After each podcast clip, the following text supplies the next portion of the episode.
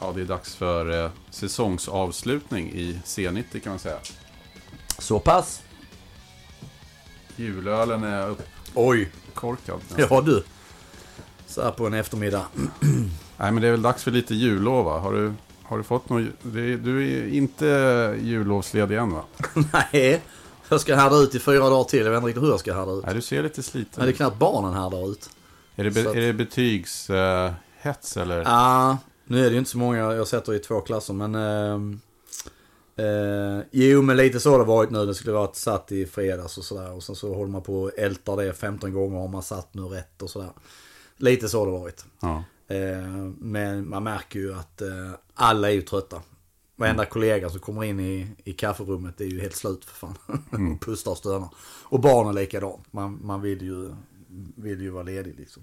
Ja. Sen fick jag höra att min polare som jobbar i eh, södra Botkyrka slutar redan på onsdag. Så det var ju liksom en, en kniv rakt i hjärtat.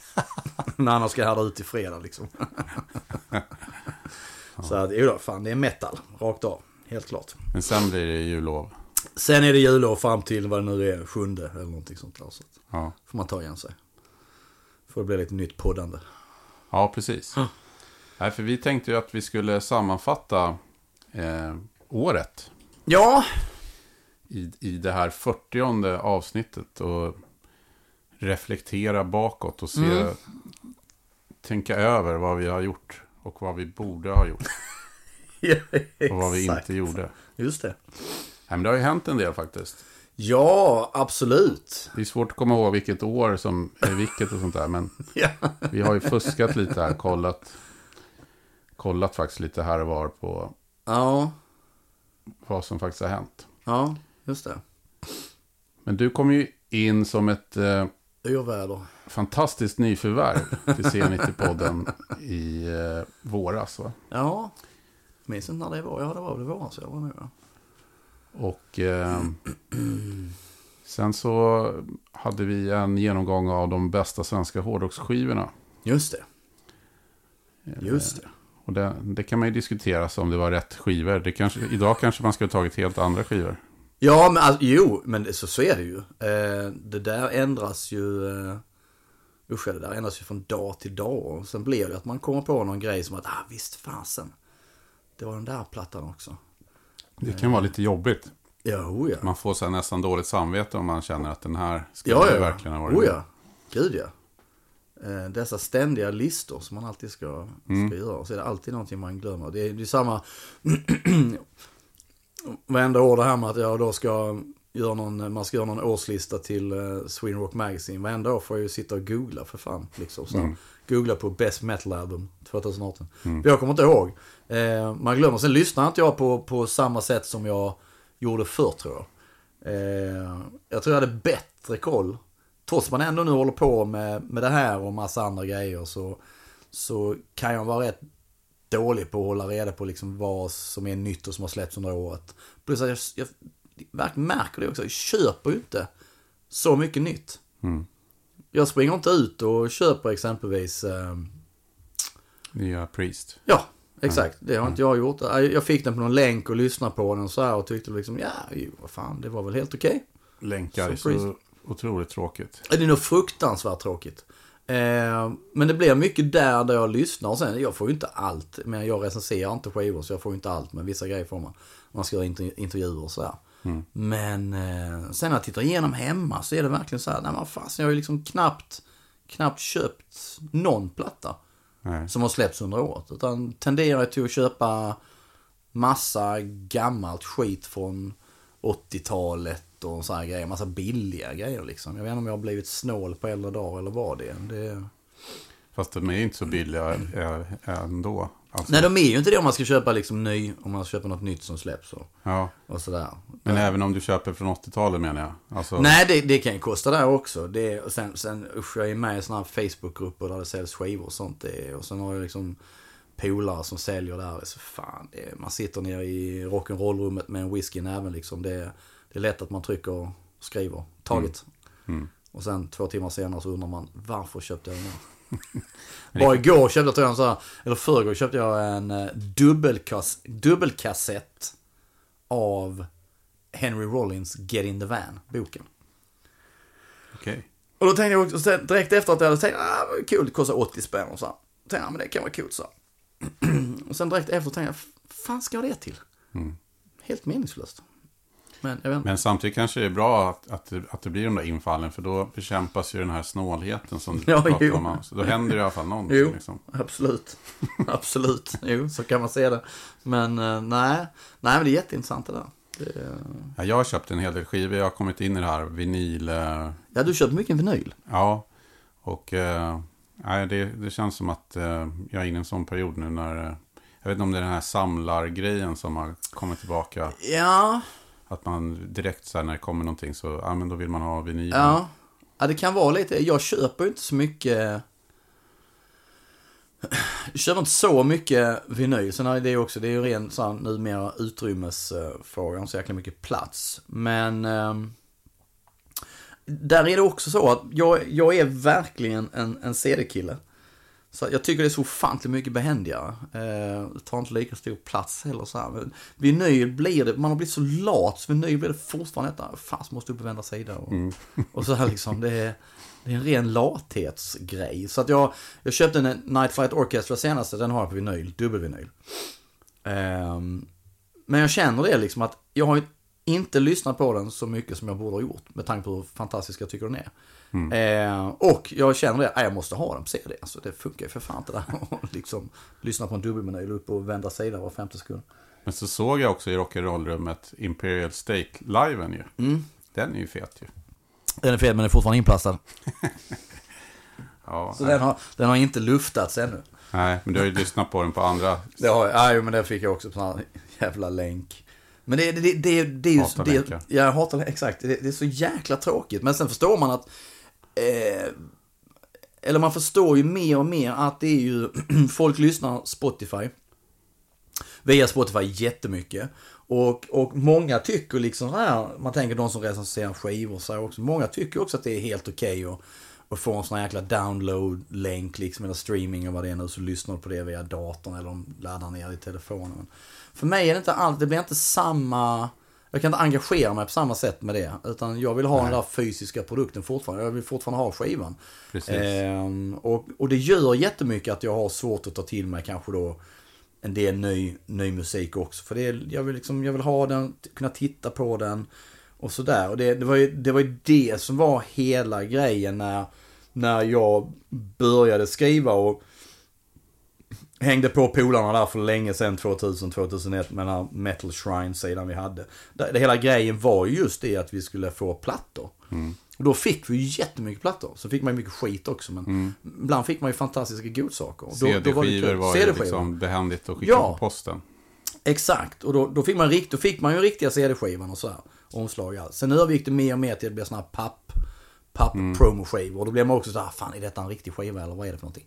Ehm, eh, och sen slutar man ju, fler och fler slutade ju med det och så blir det liksom bara streaming och download istället. Och det, nej, det, är, ändå, det är inte samma grej. Men det här när så här folk, om man, om när man kanske skulle göra någon artikel eller något och så är det någon sån här press, eh, skivbolagsmänniska som så här tycker att man ska vara så glad att när man får den där länken. Ja, exakt.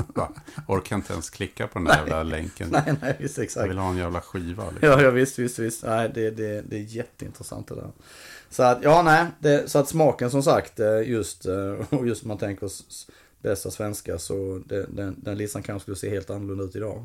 Ja. Ehm, för att det, det går upp och ner just att man kommer på grejer man har glömt bort och, eh, och sådär. Så att nej. Vi, vi enades väl där om Pain the Juice va, Helicopters. Det var det vi gjorde. Det Ja, är inget som helst minne. Ja, det kan det ju ha varit. Det fantastiskt bra platta.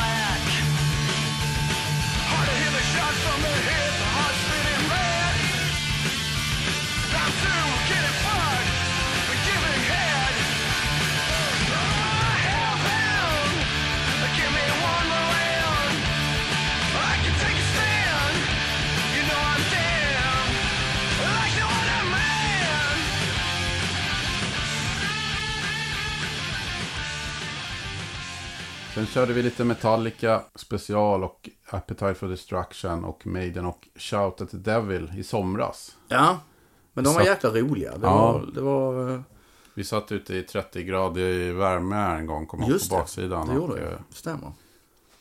Nej, men det var fantastiskt trevligt. Ja, men det är trevligt att göra lite så här om just, just fokusera på ett band eller fokusera på en platta.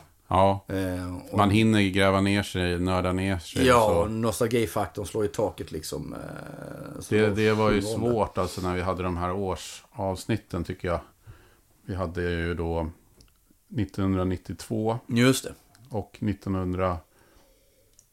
88 också ja. Mm. Båda var ju två delar där. Att det, det Ja. kändes som att till slut så att man bara rabbla plattor liksom. Blev lite så. Jag, jag satt där med en hel lång lista. Man har letat fram allting som släpptes exempelvis 1988. Och sen efterhand kom man på, ja men för fasen Mm. just det, herregud det nämnde man inte ens en gång. Och det var ändå folk som hörde av sig och, och var lite irriterade för att vi hade missat Och inte Halloween, vi hade missat ja, Keep Road Seven Keys. Part 2 och så. Ja, gud ja. Och det var någon mer, någon mer också, platta. ja. Och sen var vi hemma hos eh, Nicke och eh, Precis så. Johanna. Ja, och pratade Lucifer Mm. skivsläpp där. Mm. Det, det, var ju, det var ju kul. Du skötte snacket där på engelska. Ja, nej men det var, det var jättekul. Det är, och det är ju liksom... Det är lite kul att komma hem till honom också. Eh, de har ett fantastiskt ställe där ute. Eh, oerhört fint. Eh, och det blir ju kul om han liksom får igång studio och, och eh, en, en stuga skulle ju vara någon form av övernattningsgrej. Eh, men eh, jättefint hus med en fantastisk tomt och en fantastisk utsikt. Det var ju faktiskt lite sjö, sjöutsikt. Och sen är ju Nicke är ju så otroligt intresserad av musik själv. Mm. Han är ju liksom... Man är ju superduper nörd. Ja, och eh, så att det känns ju som att han kunde sitta och prata om... Alltså det, det var inte så att han behövde sitta och prata om sin platta. Nej, nej. Ska, Nej, nej. Han kunde lika gärna... vad som helst. Kan sitta och snacka hans egna gitarrpedaler en hel timme liksom. Det. Men det, det, det jag kom på nu var lite kul, i och med att han, han nämnde ju det här, och det nämnde ju Johanna det här när de träffade Rolling Stones, när Hellacopters öppnade för dem och de, de ställde upp sig där och sen strax efter det så hade ju Johanna sett hur Mick Jagger tog någon sån här, vad heter det? Handsprit. handsprit och den torkade av händerna efter att ha skakat hand med Hellacopters. Eh, men det roliga var att det var, förra veckan var jag hemma hos eh, Dregen på Söder och intervjuade honom och Nicke Borg. Eh, För Sw- Sweden Rock för Sweden Magazine. Rock Magazine. Och ehm, då, eh, då hade Dregen faktiskt så, då hade han en jättelång tavla. Som, som var, det var en, ett foto inramat, det var ju fan liksom en meter lång. Eh, som stod på, på golvet bara och det var den här bilden när de står med The Stones. Så det var lite kul faktiskt. Ja. Så att, eh, men det blir inte att vi snackar just om, jag vill snacka om Stones men eh, inte speciellt om det tillfället. Men, men visst var det också så här massa regler för det här med fotograferingen och sånt? Ja, det var väl till och med, det var till och med markerat var de skulle stå. Det stod Ja. så här att här skulle MJ, Mick Jagger stå. Ja. Här skulle Keith Richards stå och sen så fick de ställa sig där mellan dem på något vis. Eller vad det var. Och sen fick man väl inte ta bilder så här runt omkring med mobilen? Nej, det kan säkert vara att det är något sånt också. Att eh, det är ju väldigt, väldigt strictly eh, vad, som, vad som gäller med de herrarna. Det kan jag tänka mig. Så att, um, nej det var kul grej. Nej men det, det Nick och Johanna var, det var förbannat trevligt. Eh, och uh, snack, eh, snackiga båda Ja. två. Så att det är liksom, det är lättsamt. Det är som om man kan bara trycka play och sen så rullar det på. Och sen så var det då, som vi var inne på, 1992 Mm. avsnitten där, där vi grottade ner oss lite grann i grunge-eran Mm. och allt Mm. runt omkring där. Ja. Eh, Jag snackade senast med, jag snackade med Frank Bello, eh, basisten i Anthrax. Eh, nu eh, i... Eh, samma med Slayer-spelningen. nej, jag snackade med honom på telefon. Nu i... Eh, torsdags tror jag det var. Fick faktiskt sitta kvar på jobbet och göra intervjun. Ehm, nej men han släpper ju, eller han släpper ett, ett, ett projekt han har med Dave Ellefson, basisten i Megadeth. Uh, Altitudes and Attitudes som är mer rock, rock lite Foo Fighters-aktigt. Ehm, nej men då pratar vi någonting om, om det har varit någon tidpunkt där han känt att det inte var så kul och han liksom bara ville dra från allt detta. Men då nämnde han ju liksom just det här med grunge. Att just då var det kanske inte så jäkla kul. Att det var en, det var en dålig tid för metal liksom. Att eh, förband, jag kan tänka mig Anthrax var väl inne lite av en svacka där också och sådär. Så att det, det är liksom alla de där, man pratar med alla de där liksom som kanske börjar på 70-talet eller tidigt 80-tal. Man tänker liksom alla just de där thrash-banden och allt annat och de Sunset Strippan och allt det. Så, alltså alla kommer ju tillbaka till det. Att grungen liksom bara fuckade upp allting liksom. Och, nej, det var ingen bra tid för hårdrock och sådär. Mm. Vilket är väl delvis, delvis rätt på så vis. Men det... alltså, jag, jag, tänkte faktiskt på det avsnittet. För häromdagen så råkade jag bara så här, satt och kolla vad som fanns på SVT Play. Mm.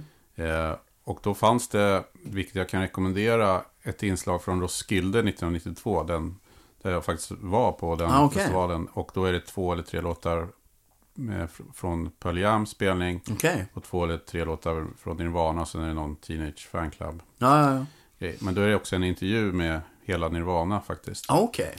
Och det, det, är rätt kul att se för att eh, eh det är då en dansk produktion som SVT har köpt. Så det är en dansk snubbe och han är ju då, som det skulle vara på den tiden, den här ZTV-eran. Att ja. programledaren, de som intervjuar, skulle ju vara så här coola bruden eller coola snubben. Så där, och han är ju verkligen så här coola killen som ska komma och ställa lite så här snajdiga frågor. Ja. Liksom. Och det, det, skulle ju kunna bli katastrof. Ja. Liksom. Men de är på rätt bra humör på något Okej. sätt. Så de, det blir ändå bra svar. De Ja, börjar, ja. Istället för att svara på hans ganska fåniga frågor så börjar de berätta istället. Så här, Okej. Kurt, berättar lite grann om hur när han gick i skolan och grejer. ja. och Sånt där.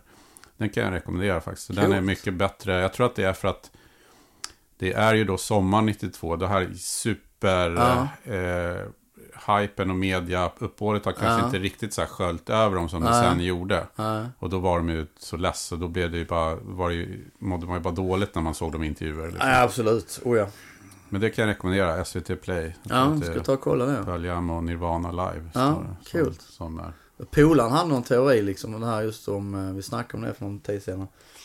Att, ehm, just att det var inte, det var inte grungen som, för han var ju också liksom, jag menar vi växte upp tillsammans, han var också en sucker för Sunset Strip och Mötley Crüe och alla de här banden och allt det.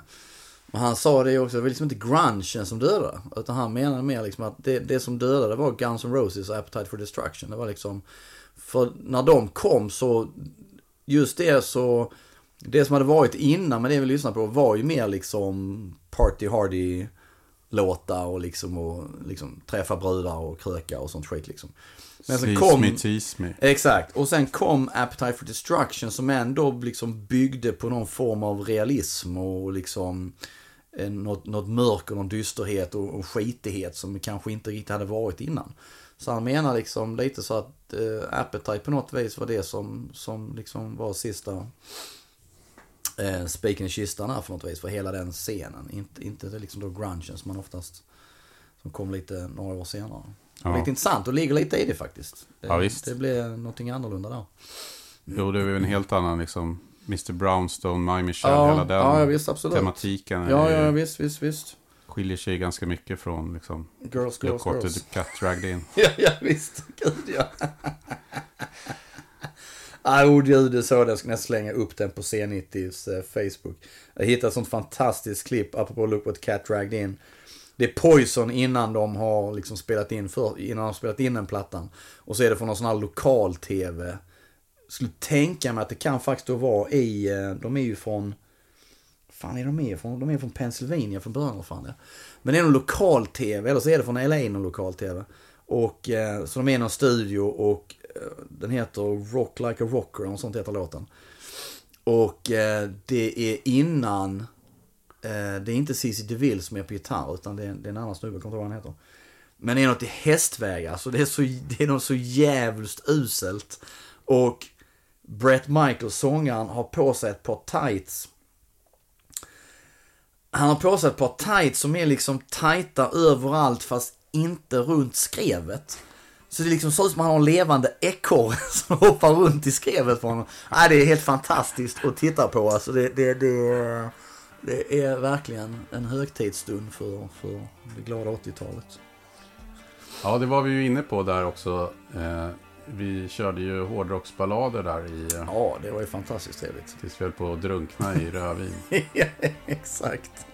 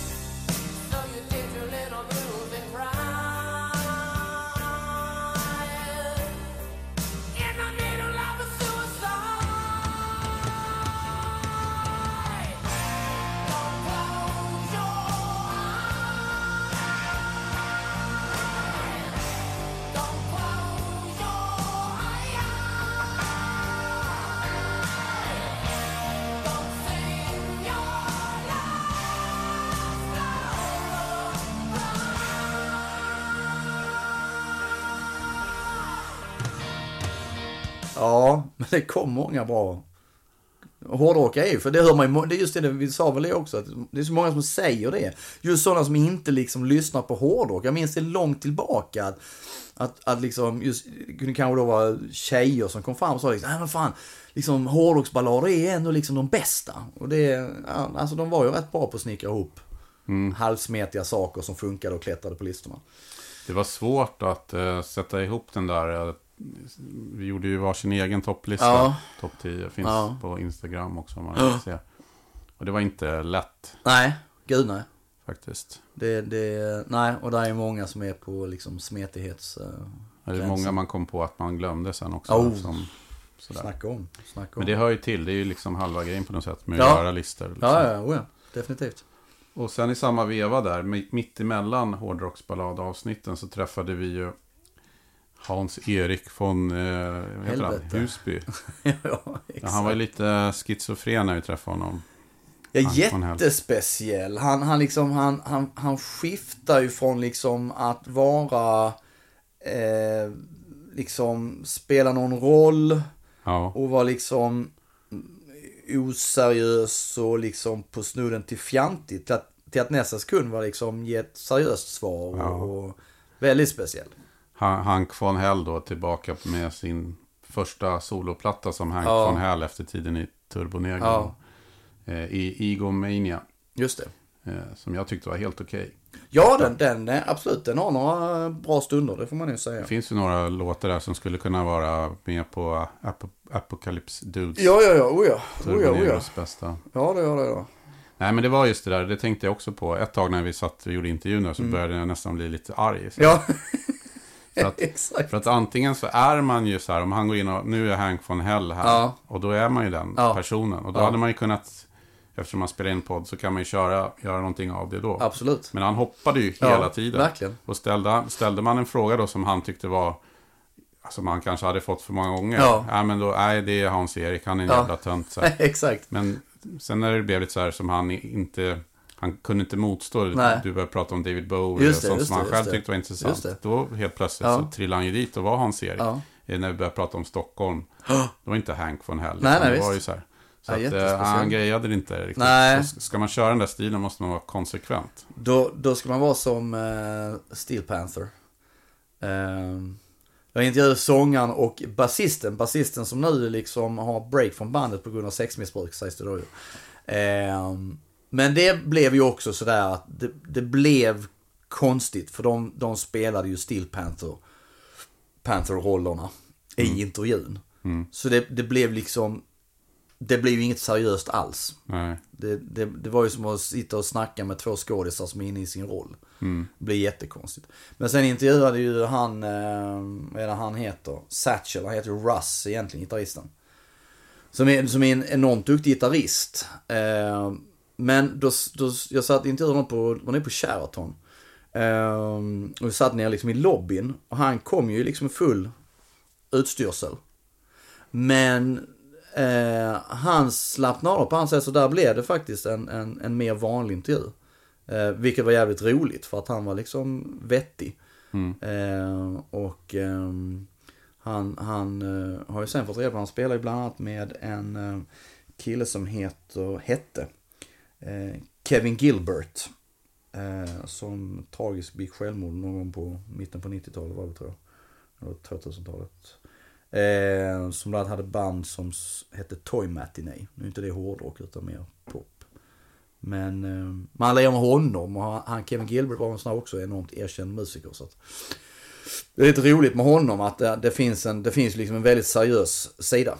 Hos den killen i alla fall. Så att det, det gjorde det lite lättare. Men, ja, nej men Hank var ju en, eh, det var första gången jag snackade med honom. Det var, det var en erfarenhet. Mm. Helt klart.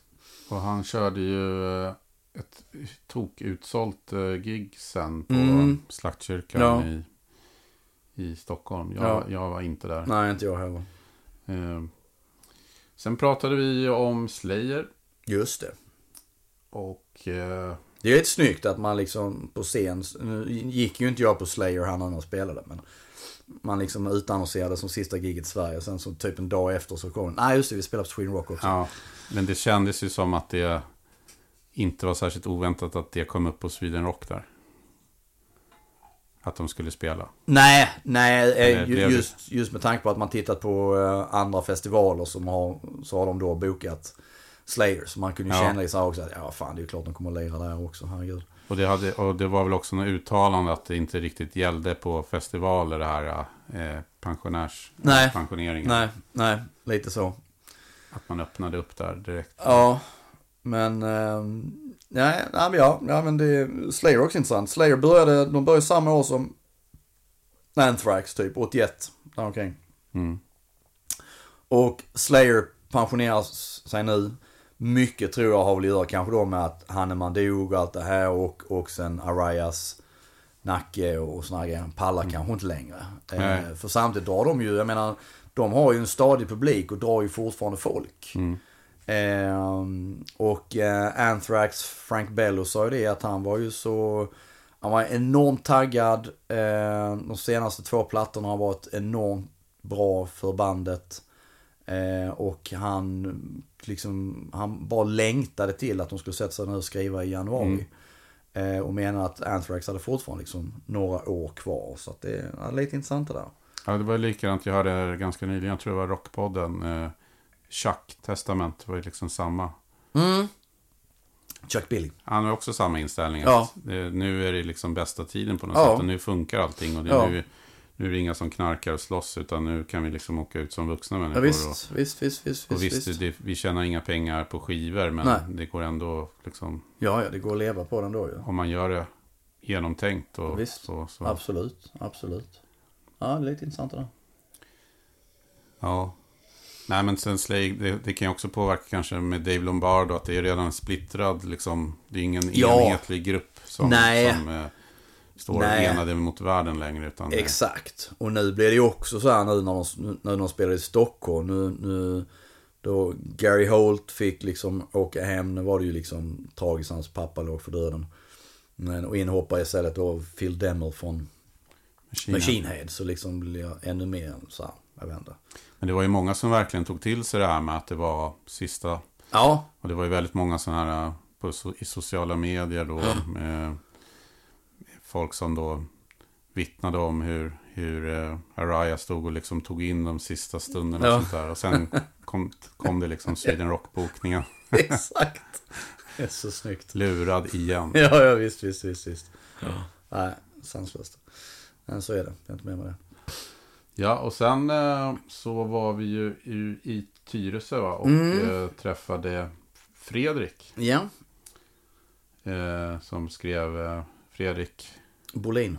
Brodin som skrev eh, Metallica Sorgespel och Segertåg. En Mm. bok om eh, Metallicas, eh, eh, vad ska man säga, svenska Ja, äventyr. ja. Det, Svenska historia. Ja. Och, så. och den kan jag verkligen rekommendera om man är intresserad av Metallica. ja, absolut. Det tycker jag. Eh, Det är Det- väldigt gediget arbete. ja, eh, och då kan få en hel del eh, mycket roligt. Speciellt där, de där tidiga första gångerna de var här och, och lite liksom media syn på dem då. Och, Mm. och eh, sådana här saker. Så att det, nej men det var flera grejer som jag faktiskt inte hade koll på. Så det, den var kul att läsa. Lite roliga bilder och så här. Och en grej Så som att- eh, Ja, verkligen. Och, eh, det märks att det, det är skrivet med äkta engagemang. Och, Ja, ja, ja. Oh, ja. Men en, en grej som är rolig att, att man påminns om väldigt tydligt i boken är ju hur, hur nära de var sina fans. Och Mm. hur eh, mycket, hur ärligt den här kontakten var med fansen. Mm. Idag så ses ju, med, ses, är det ju svårt att se det hos Metallica. Mm. Den, det, syns, det ser ut bara som att de eh, har helt tappat det där. Att, eh, den Ja, nu, för de kör ju fortfarande sina den här meet and greet och det, men det är ju någonting, Hetfield är ju inte med längre eller vad fan det är. Nej, jag menar då, nu Eh. kostar det väl eh, ganska mycket för en meet and greet. Absolut. Då Eh, ställde de ut ett bord liksom Ja, i Solnahallen och så satt de där tills alla hade fått... Men det, det, det var ju annorlunda på den tiden. Det var liksom, det tror jag också, men det, det tror jag överlag många band kanske också hade på den tiden. Att det var, det var mer nära då på något vis. Nu, nu är ju också det liksom, Metallica en sån jäkla maskin idag så att det man har ju, så förstår man också efter så lång tid och så förstår man det också. Det är väl klart att, vad fan så jävla kul kan det inte vara att träffa massa jävla. Fattar många skumma människor de måste träffa på dessa jävla meet and greet liksom. Den ena konstigare än den andra. Mm. Eh, så man kan känna det också att det, det kan inte att det står över på topplistan alltid. Eh, Det kanske nästan blir ännu mer skummare folk när det liksom kostar 10 000. ja, jo det kan jag nog tänka mig. Eller det kan jag lätt tänka mig. Ja. Absolut. Men det här var ju en kul grej. Det var ju faktiskt Fredrik som tipsade om detta. Att ehm, han lyssnar på den här Metal Up Your Podcast. Som är en amerikansk podd. Som eh, är helt, helt tillägnad eh, Metallica. Två jänkare, de är musiker båda två och liksom erfarna musiker och sitter och snackar om allting på något vis som har med Metallica att göra. Eh, och eh, då... eh, då berättade han att de, de nämnde då C90-podden i ett avsnitt. Så att då, då fick jag gå in och lyssna på det. Och eh, då var det ju en...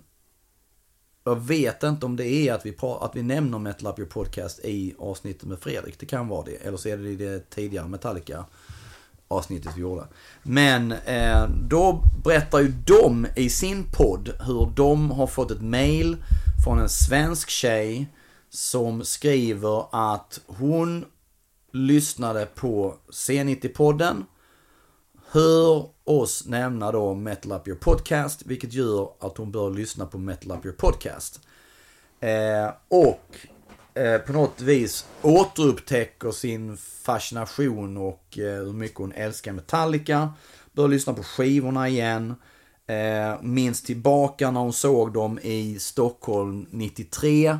Tillsammans med då två kompisar, hon var 15 år då. var. Och sen säger hon någonting om att eh, sen efter det så, så, om det var då de slutade nian sån, så splittrades de upp, tappade kontakten, eh, fick lite kontakt som så att de blev Facebook-vänner några år senare och hon bor numera i England. Eh, och hade nu efter att ha lyssnat på Metal Up Your Podcast eh, bestämt sig för att hon skulle banne mig gå och se Metallica. Så hon har köpt biljett. Så hon ska se Metallica, det är väl nu i sommar då. Jag tror det var i Manchester, vad fasen det var. Och eh, så har väl antagligen skrivit någonting om detta på Facebook. För då hade ju dessa två gamla vänner hört av sig. Och också köpt biljett. Och nu skulle alla tre gå och se Metallica. Och de har ju inte då I träffats. Manchester, I? Manchester. Och inte träffats på 26 år. Det var jävligt kul. Ja. Och det får ju vi ta hela credden för tycker jag. C90-podden. Ja, hon, får gärna, eh, om hon lyssnar får hon gärna höra av sig och, och skriva en liten, eh, skriva en liten rad om detta. Anja har jag för mig att hon hette. Mm. Någonting, så nej, det, var, det, var lite, det var en kul, kul grej. Eh, Sociala mediers eh, kraft. Sen pratade vi t-shirts. Ja. Fy Till fan. förbannelse. Åh gud. Det, det, jag skulle ha möjlighet att sticka och köpa såna exklusiva t-shirts ikväll men jag bara säger jag orkar eller hinner inte. Jag såg att Fredrik Strage annonserar ut. Ja, eller auktionerar ut sina. var det mus- var det Musikhjälpen-grej eller vad var det för någonting? Mm. Det var någon Vattine-tisha och Ja. kvällertack och... Jag såg den vita. av Vattine Attain. var det både blod och hans svett på vad fan det var. Ja, precis. Det var lite blodstänk från eh, kraken eller vad det var. Ja, just det. de Så var det. på. Ja, Ja, just det. då. Men eh, jag undrar om det inte svider lite ändå. Stackars Strage och lämna ifrån sig de där tröjorna. Exakt. Ja men det är ju, alltså t-shirts är ju kul. Det är ju, det är liksom... Eh, och där får vi ju, får vi ju highlighta C90-tishan. Eh, Ja. Som är förbannat snygg. Eh, jag tycker vi skulle lägga, sa det, vi skulle lägga upp lite bilder på de som har iklätt sig denna fantastiska tröja. Och att det är bara att uh, höra av sig så, så eh, Precis, styr vi ska, upp det där till en, en, en låg kostnad. vi ska fixa någon mailadress också. Ja, som, eh, för helt att klart. det, är- ibland är det folk som har försökt på Instagram och sådär. Då går det inte så, då går det inte så bra att få kontakt. Nej, Så att vi får lite ordning på det där. För det finns ju några tröjor kvar. Ja, absolut, absolut. Till och med min yngsta dotter har ju nu en C90-tröja som nattlinne. Perfekt. Ja, helt kanon. Eh, ja, sen eh, var, det ett årtal igen som vi eh, snöade in på, nämligen 1988. Ja, kom ju mycket bra då alltså. Och Det- eh, jag illustrerade en bild fel där med fel ACDC-omslag. Just det. Blev direkt... Så Eh... istället för blow up your video hade jag ballbreaker tror Ja, jag. just det, så var det. Det tog inte många minuter nej, exakt. innan det Det är också så typiskt det här liksom. insnöade hårdrocks. Men, men man gör ju likadant själv. Att man direkt Ja, liksom. det måste ju vara rätt. Man reagerar på sådana små grejer. Ja, visst. Det är bara, bara bra att folk hör av sig. Det är Absolut. vi tacksamma för. Absolut. Eh, Så kunde vi ju rätta till också. Ja, ja visst. Sen eh, träffade jag Ankan och Conny Blomma Ja, från Electric Boys. trevligt. Ja, precis. Eh, deras eh, nya skiva Ja, eh, Ghost War Diaries. Va? just det. Stämmer. Eh, faktiskt en, eh, en glad överraskning. Mm, Hangover in Hanover. Det finns Just det. flera många Ja. bra låtar. inte alls uh, tokig, får jag säga. Nej, det känns som en lite nytändning sådär. Ja, Och eh, de har ju fått mer uppmärksamhet nu än vad de har fått på de senare släppen. ja, alltså jag tycker det fanns bara mitt Facebook-flöde varenda dag så tycker jag det är någonting om Electric Boys. Eh, och just nya plattan. Så att det är, nej. Nej men herregud, de är all, all värda det.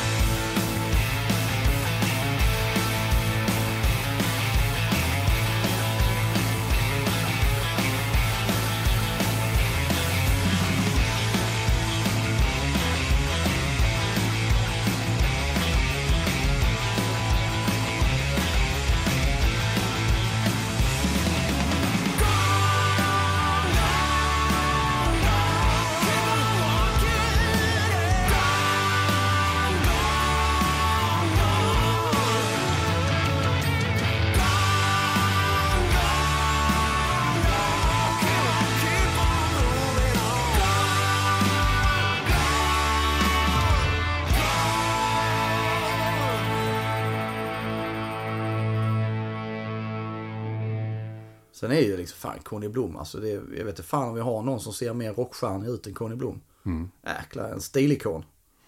Och eh, otroligt eh, produktiv. Alltså, Mm. Jag tror bara några dagar efter att de hade spelat, eh, gjort massa spelningar då i samband med releasen så Mm. gick han in i studio och spelade in sin andra Just det. soloplatta Just på det. svenska. Just det, just det. Efter den fullt upp som Mm. kom eh, för två år sedan. Ja, det är nu. Det nu. och sånt.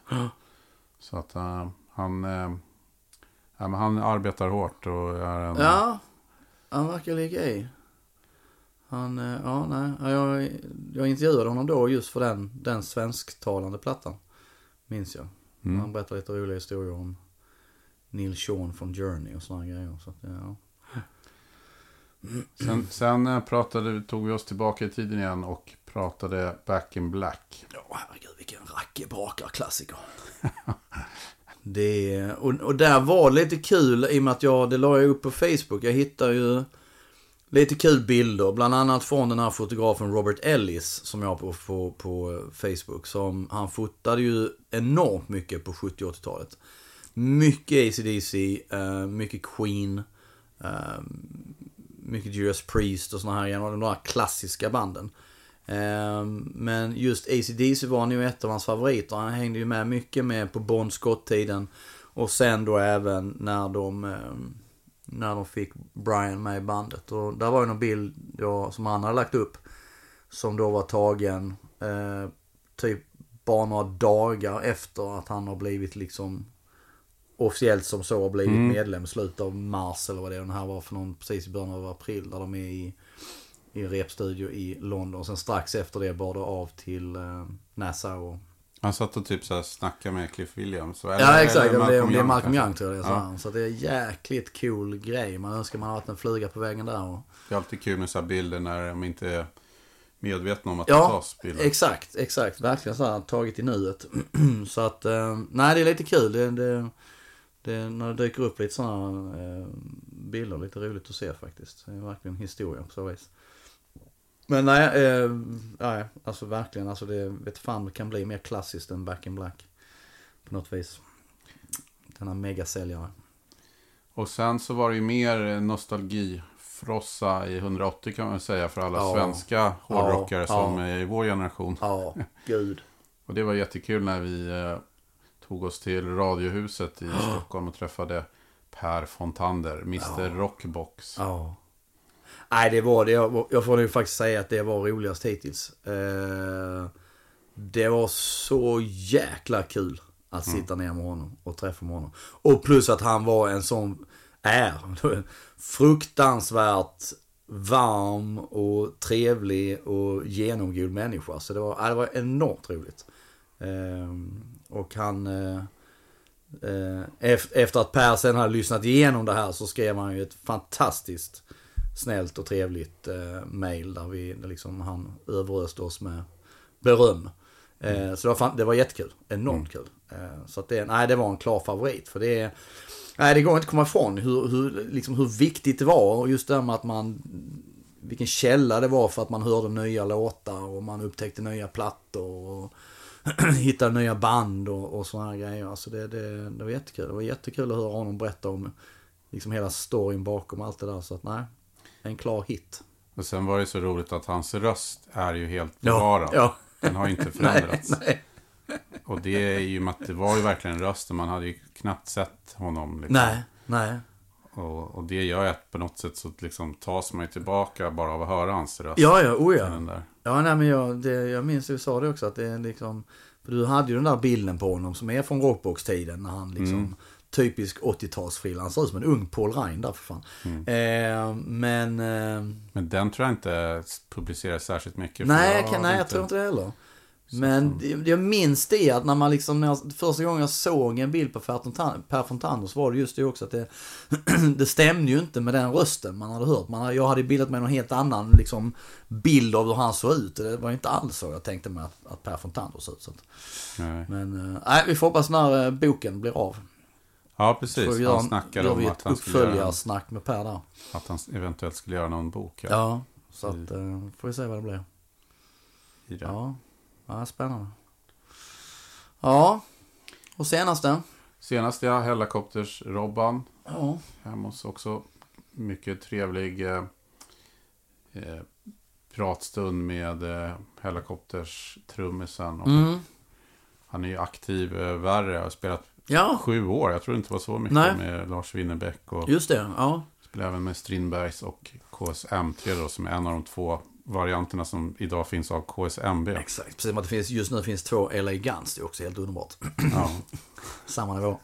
Eh, ja, Winnerbäck. Jag vet som Nick Andersson kallar för världens bästa sommarjobb. ja, just det. Han lirade också med honom. Så att, eh, ja. Han tyckte det, Nicke tyckte det var så skönt att bara liksom glida med och inte Ja, behöva... man kan tänka mig det. det Ja. måste, och, så, alltså, och så är det ju, fan det var väl slutsålt varenda kväll och stor publik. Det måste vara helt fantastiskt ju. Ja, En sommar, det herregud, kan det bli bättre? nej. Kanon ju. Så att, eh, nej men Robban är trevlig. Det, jag åkte taxi med honom någon gång, någon, efter någon jävla fest med honom och Bobba. Jag tror det var Robbans fru eller vad fan det var. Minns inte riktigt. Sen är han ju en stor skivsamlare. Ja. Satt ju bakom en, eller jag satt ju framför en vägg av LP-skivor. Ja, ja, ja. Och eh, ja, den går inte av för hackor. Alltså, han har ju, eh, alltså, han, när han var åtta år började han liksom intressera. Sen har det liksom Ja. kört hela livet. Och varje månad hela tiden nya Ja. skivor. Och, Ja, och väldigt bra musiksmak. Och vi, han fick ju lista då fem, fem låtar eh, där han liksom där det var riktigt bra just det. trumspel. Och Just det, det. det. kändes som att, eller jag tror han, det blev sex till slut. Ja, Ja, Jag tror att han hade kunnat listat 25. ja exakt, säkert. Och med lika stor entusiasm. Ja, ja, liksom, visst, för visst. Att, eh, Visst. Nej, men det är ju musikälskare liksom. Ja, Som är, Jo men det är, det är, det är ju fascinerande hur, ehm, hur, alltså hur, hur musiken påverkar och hur den följer med en och för jag menar, det, man är ju likadan själv. Det är liksom, det är musik, det är ju, har ju varit min, min grej sen någon gång då tidigt mellanstadium sådär. Ehm, Ehm, och man började köpa skivor och sådär. Och, eh, och det var samma, det sa faktiskt, eh, det känns bara som droppar Frank Bello här hela tiden. Men det var bara för att snacka med honom nyligen. Men det var likadant, för han pratade mycket om det också. Det var liksom taskig barndom och hans farsa lämnade ju honom tidigt och han bodde ju sen då med, med trummisen Charlie Benante. Eh, Så Charlie Benantes mamma blev ju hans, eh, hans mamma på sätt och vis. Eh, Men det var också det, tid musiken och han berättade liksom också det, hur hur enormt stor eh, betydelse musiken haft för honom. För han menar också att det kunde gått käpprätt åt helvete. För han var på väg väl åt, åt fel håll. Men just att han hade alltid haft någon sån här liksom, ja men han har haft mycket, han pratade lite om angst. Och han hade det liksom och liksom hur det kändes i magen och mycket. Han har varit massa skit om en, en någon, någon familj som inte fungerar och så här liksom. Och sen musiken följt med och, och, och så var det fortfarande sa han. Att musiken var liksom så oerhört betydelsefull för honom. Eh, vilket har lett fram till nu det här projektet med Dave Elfson. så att nej, det, det är jättefascinerande hur, hur det betyder liksom det här. Och, det, och just den här nördigheten som det så ofta blir. Och som det så ofta är inom hårdrock också. Det blir... Eh, alltså vissa blir ju verkligen sådana här jävla frimärkssamlare. Just det här, det, ja, man fascineras ju av det. Det här man ska samla varenda pressning och sånt där. Det, är- jag är inte riktigt där, men... Eh, nej, men där, där tror jag också, då, där passerar man ju någon gräns sådär. Men det känns ju nästan som att alla, mer eller mindre som själv håller på, är ju inte sådär gravt. nej, nej, nej, nej. Men det nej. känns ändå som att nästan alla köper skivor. Ja, och ja, Man vill oh ändå ja. ha liksom. Ja, oh ja, oh ja. Eh, Så att det, ja, det är något som förenar någon slags... Ja men det, ja, det är det. Och sen just, just att jag tror hårdrockspubliken är väl tacksam så vis att, att då kan man hålla på och släppa så här deluxe utgivningar och det det är B-sidor man släpper någon livespelning och lägger till det som en bonus på plattan och så här grejer. Det funkar för det, det, hårdrockarna är fortfarande så här att de, de köper sådana grejer, man intresserar sig för sådana grejer och, och eh, du, du köper en platta fast du redan har den kanske i två utföranden så har de lagt till något jävla bonus på bara, ah, men det måste jag ha. Och så köper man den också. Så att, eh, jo visst, lite så är det ju. Men om man skulle sammanfatta året mer generellt då? Eh, Ja. några bra spelningar? Ja, alltså jag jag satt och tänkte på då, vad fasen har jag sett? Och så är det lika svårt varenda gång att komma på vad fasen jag har sett för någonting. Um, alltså, Maiden på Tele2 Arena var ju långt över min förväntan. Ehm, jag liksom egentligen musikmässigt har ju slutat att bry mig om Maiden för, uh, jag vet inte hur länge sedan, säg någon gång på slutet av 80-talet. Um, ehm, men eh, sen har man ju följt dem ändå och liksom man har sett dem live och sådär. Ehm, men, men här visste jag liksom inte riktigt. Det var ett tag sedan jag hade sett dem live och ehm, visste väl inte riktigt och så här, eh, senaste plattan har jag inte brytt, mig- brytt mig så här jättemycket om. Men eh, nej, jag tyckte ju att han, för det var också så intressant när man läser sen då eh, recensioner. Så läste jag någon recension, nu kommer jag inte ihåg vilken det var, där det stod någonting om att hans röst, ja, det höll inte riktigt hela vägen. Var- Jag tyckte att han sjöng helt fantastiskt. Bruce. Dickinson? Ja, ja jag tyckte, alltså det var klockrent. Och fan, han skuttar runt och håller på och han har blivit opererad i munnen och tungan och allt vad det är för någonting. Och, och så, här. jag tyckte han sjöng fantastiskt bra. Men inte i klass med Paul Dayano? 2018. Ja, exakt. Eh, nej, men jag tyckte det var, eh, jag tyckte det var skitbra. Det var en fantastiskt snygg show. Även om det där med Spitfire som kommer ner där i början, det är lite så här, det, känns lite Spinal Tap-aktigt på något vis. Men, det är ändå eh, Aces High. Alltså, Ja, ja absolut. Det, det, det ska ju vara där. Men, eh, nej, men det, det var jäkligt snyggt. Det var, det var maffigt. Jag var faktiskt... Eh, jag var helt klart imponerad. Och de var, de var jäkligt bra sen på Sweden Rock när jag såg dem där också. Så att det, eh, det, var, det var kul. Jag är verkligen glad att jag gick och såg det. Eh, för det, det var långt bättre än jag trodde det skulle vara. Det största Eh. intrycket så här, generellt från eh, Sweden Rock-spelningen där med Maiden är ju att det var otroligt trångt och mycket folk. Fruktansvärt mycket folk. Det var ju nästan så att folk ifrågasatte om Ja. det verkligen inte var för mycket folk. Ja, exakt. Ja, de, släppte, de släppte ju mer. Det sades att det släpptes in 4 000 mer, men det kändes som att man släppte in 10 000 fler. Mm. Eh, det var galet mycket folk. Eh, det var det verkligen. Eh, så så det, det märktes helt klart av. Eh, utan tvekan. Men, eh, nej, men det, det var ett bra gig där också. Men det, apropå Sweden Rock också tror jag egentligen faktiskt något av det bästa som jag såg i år var eh, Misery Love Company. Eh, ett band som jag egentligen inte har någon relation till mer än att eh, Alltså jag vet vilka de är, jag har hört några låtar där. Men jag köpte alla deras plattor, liksom, aldrig sett dem live tidigare.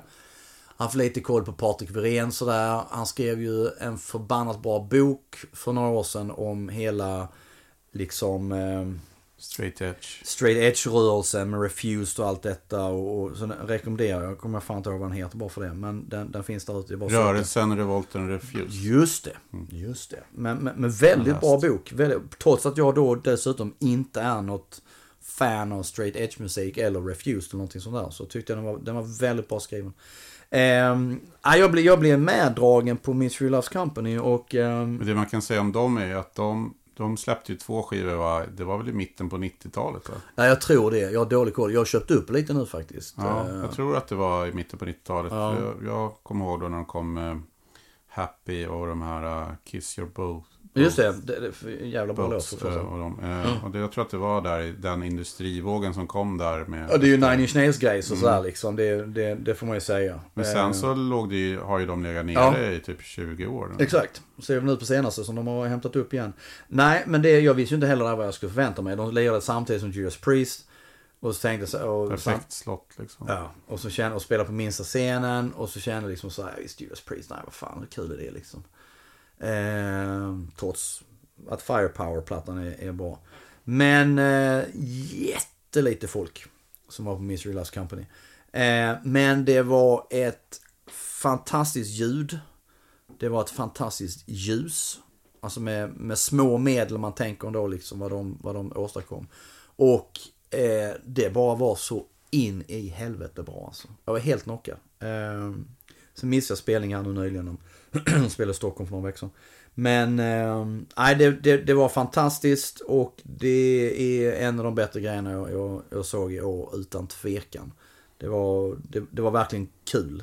Eh, och jag, stod så, jag såg hela gigget och eh, sket i, i Judas Priest för det kände jag bara liksom att, nej vad fan det känns Och det var egentligen en tillfällighet egentligen att du gick och såg det. Ja, jag blev meddragen där och eh, så att... Det är kul när det blir... ja, absolut. Absolut. Jag, för jag var helt inställd på att titta på eh, Judas och stå där och gnälla och klaga över hur jävla tråkigt det är. Eh, nej, men sen tänkte jag sen, alltså... Eh, jag såg också Alice in Chains var fantastiskt bra. Eh, och hade nöjet där att eh, intervjua William Duval och Mike Ines. Var på Gröna Lund va? Gröna Lund, ja. Mitt i Eh, sommaren. Och deras, deras platta Rainier Fog är också helt underbart bra. Eh, Gene Simmons på Grönan var ju också jättekul. För där visste jag inte riktigt heller. Man har sett massa klipp från den här jäkla The Vault som han nu har kört omkring och delat ut till fans som har betalat dyra, dyra, dyra pengar för det. Inte mer än, vad är det, 25 000? Ja, nej, det är en sån hiskligt helt sjukt. Jag tror i Sverige betalade de 18 eller vad fan det är. Så fick man väl skaka tass med honom och få ett foto. Men... ehm, ehm, där var det det också att man sett, jag hade sett klipp på nätet. Ibland finns ett, ett horribelt klipp. Där han och Ace är alltså då, för det fanns ju den här möjligheten man kunde köpa att de kom hem till en. Som kostade liksom, ja vad kostade det?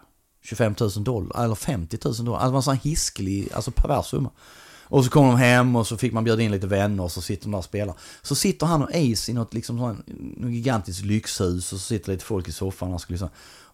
Jag vet du, de, de, de, de klarar ju knappt att ta sig igenom Cold Gin. Alltså det låter så jävla illa. Ace kan knappt spela. Och så tänkte jag lite såhär, Gene Simmons, okej, okay, visserligen han liksom ett, ett bra band som så, men man visste inte riktigt vad. Men det var också så här, det var riktigt jävla bra. Ehm, han började med introt från den här Radioactive från, från soloplattan 78. Sen gick han inte över i den låten, vilket var lite synd. Men... ehm, Men det är ju lite roligt där, för Ja. den, den soloplattan har ju ett så här diaboliskt intro, det som Ja. vi pratar om. Och sen Ja. kommer värsta boogie, Exakt, den är mor, skitmesig. mormors boogie-rock liksom. Visst, och sen When You Wish Upon a Star på slutet och bara, åh gud. Ehm, Så det kanske var bra att det, det var ja. radioaktivt. Nej men han körde ju, han körde ju lite, han körde lite roliga låtar faktiskt. Jävligt bra band. Ett band som nu då Ace Frehley har tagit över. Mhm. Ehm, och ehm, så det var faktiskt, det var kul. Gene kan fortfarande sjunga. Till skillnad mot hans partner in crime, Paul Stanley. Eh, som med all säkerhet kommer mima sig igenom nu hela den här End of the Road-turnén som ska hålla på i tre år. Ehm, och ehm, så, så det var också en kul grej. Ehm, sen såg jag Night Flight Orchestra på uh, release-gig på, uh, på ABBA-museet. Och sen såg de även nu här för några veckor sedan på, på då. Och, så fruktansvärt bra. Fruktansvärt. Alltså det är det här 80-tals retrogrejen. Uh, AOR, är, det är liksom right up my alley. Jag är en sån jävla sucker för det. Så att eh, det tyckte jag var, ja, det var riktigt jävla bra. Själv då? Du lär väl tokhylla Tribulation? Ja.